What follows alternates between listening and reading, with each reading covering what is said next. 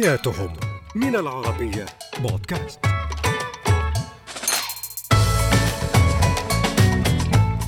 مرحبا أنا رفيدة ياسين وهذه عوالم أخرى في برنامج حياتهم على العربية بودكاست.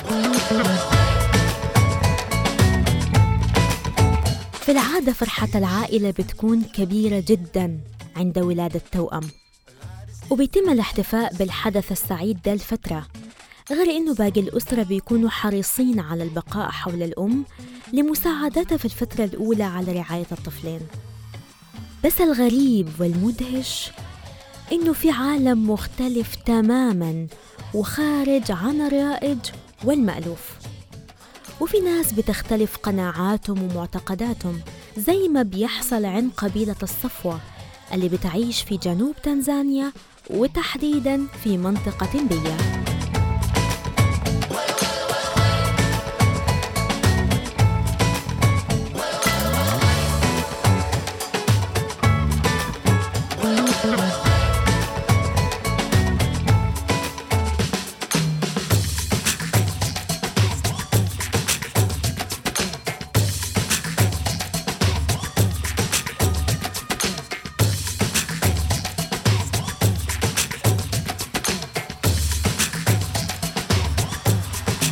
قبيلة الصفوة على عكس المعتاد تماما. بتعتبر إنه ولادة التوأم نذير شؤم وسوء حظ وسوء طالع للعائلة. كانوا قديما بيتركوا أحد الطفلين حتى الموت. لاعتقادهم بأنه الوالدين ممكن يموتوا بسبب غضب الآلهة من ولادة روحين في نفس الوقت. وإذا تم السماح للتوأم بالحياة بيستغرق الأمر سنوات عديدة. عشان يتم التعامل معهم كأعضاء عاديين ضمن الأسرة وضمن المجتمع.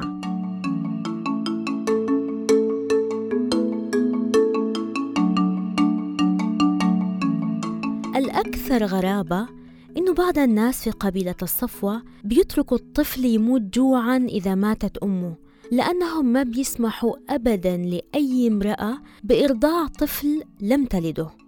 لأنهم بيتشائموا من الطفل إذا ماتت أمه وقت ولادته حتى ذوي الهمم كان بيتم قتلهم قديما لنفس السبب وهو التشاؤم.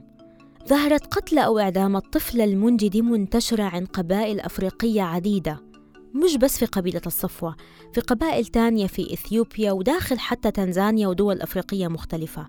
والطفل المنجي طقس لقتل الأطفال الرضع لاعتقادهم أنه أطفال المنجي بيكونوا سبب في استحضار الأرواح الشريرة وفي جلب اللعنات وسوء الحظ والمجاعة والمرض والموت للأسرة وللقرية بشكل عام.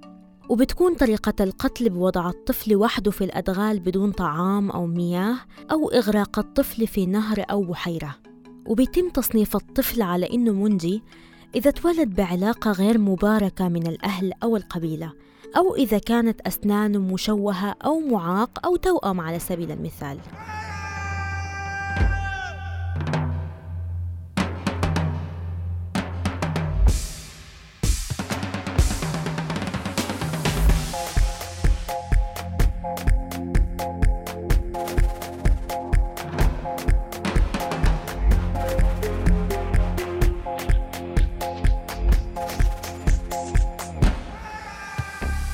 المطر بالنسبة لأفراد قبيلة الصفوة مصدر للحظ والسعادة والإلهام وكبار القبيلة بيقيموا طقوس مقدسة عند نزول المطر لطلب الرزق والمساعدة والشفاء من الآلهة.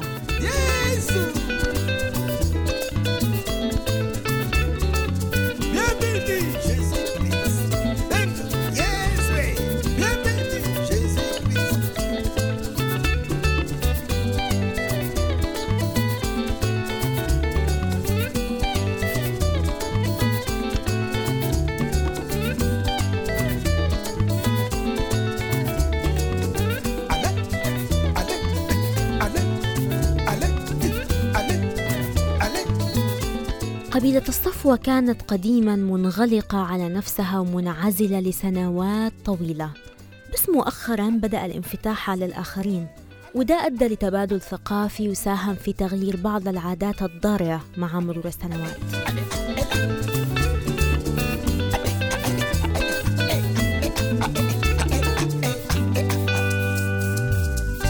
للزواج طقوس خاصة عند قبيلة الصفوة. ولا يمكن الاعتراف بزواج دون مباركته من الأسرة ومن زعامات القبيلة.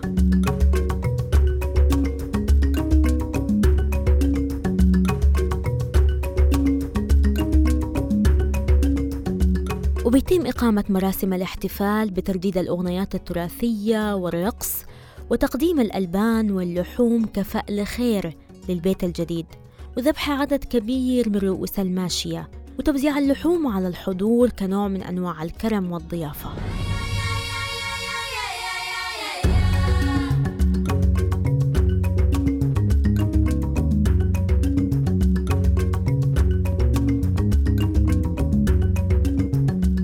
المرأة عندها مكان ومكانة خاصة بين أفراد قبيلة الصفوة.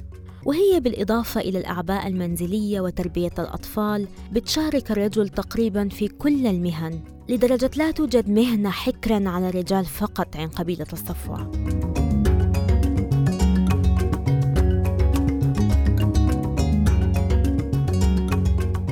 وبرغم كل الضغوط والمسؤوليات على المرأة إلا أنها بتهتم جدا بزينتها ومظهرها وبتلبس الحلي والملابس المزركشة عشان تلفت أنظار الرجال.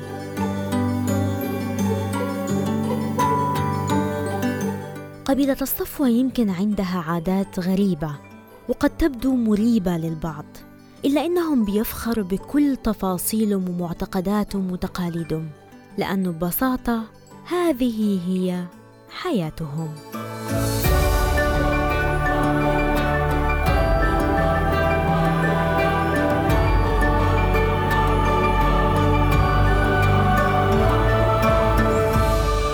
حياتهم من العرب.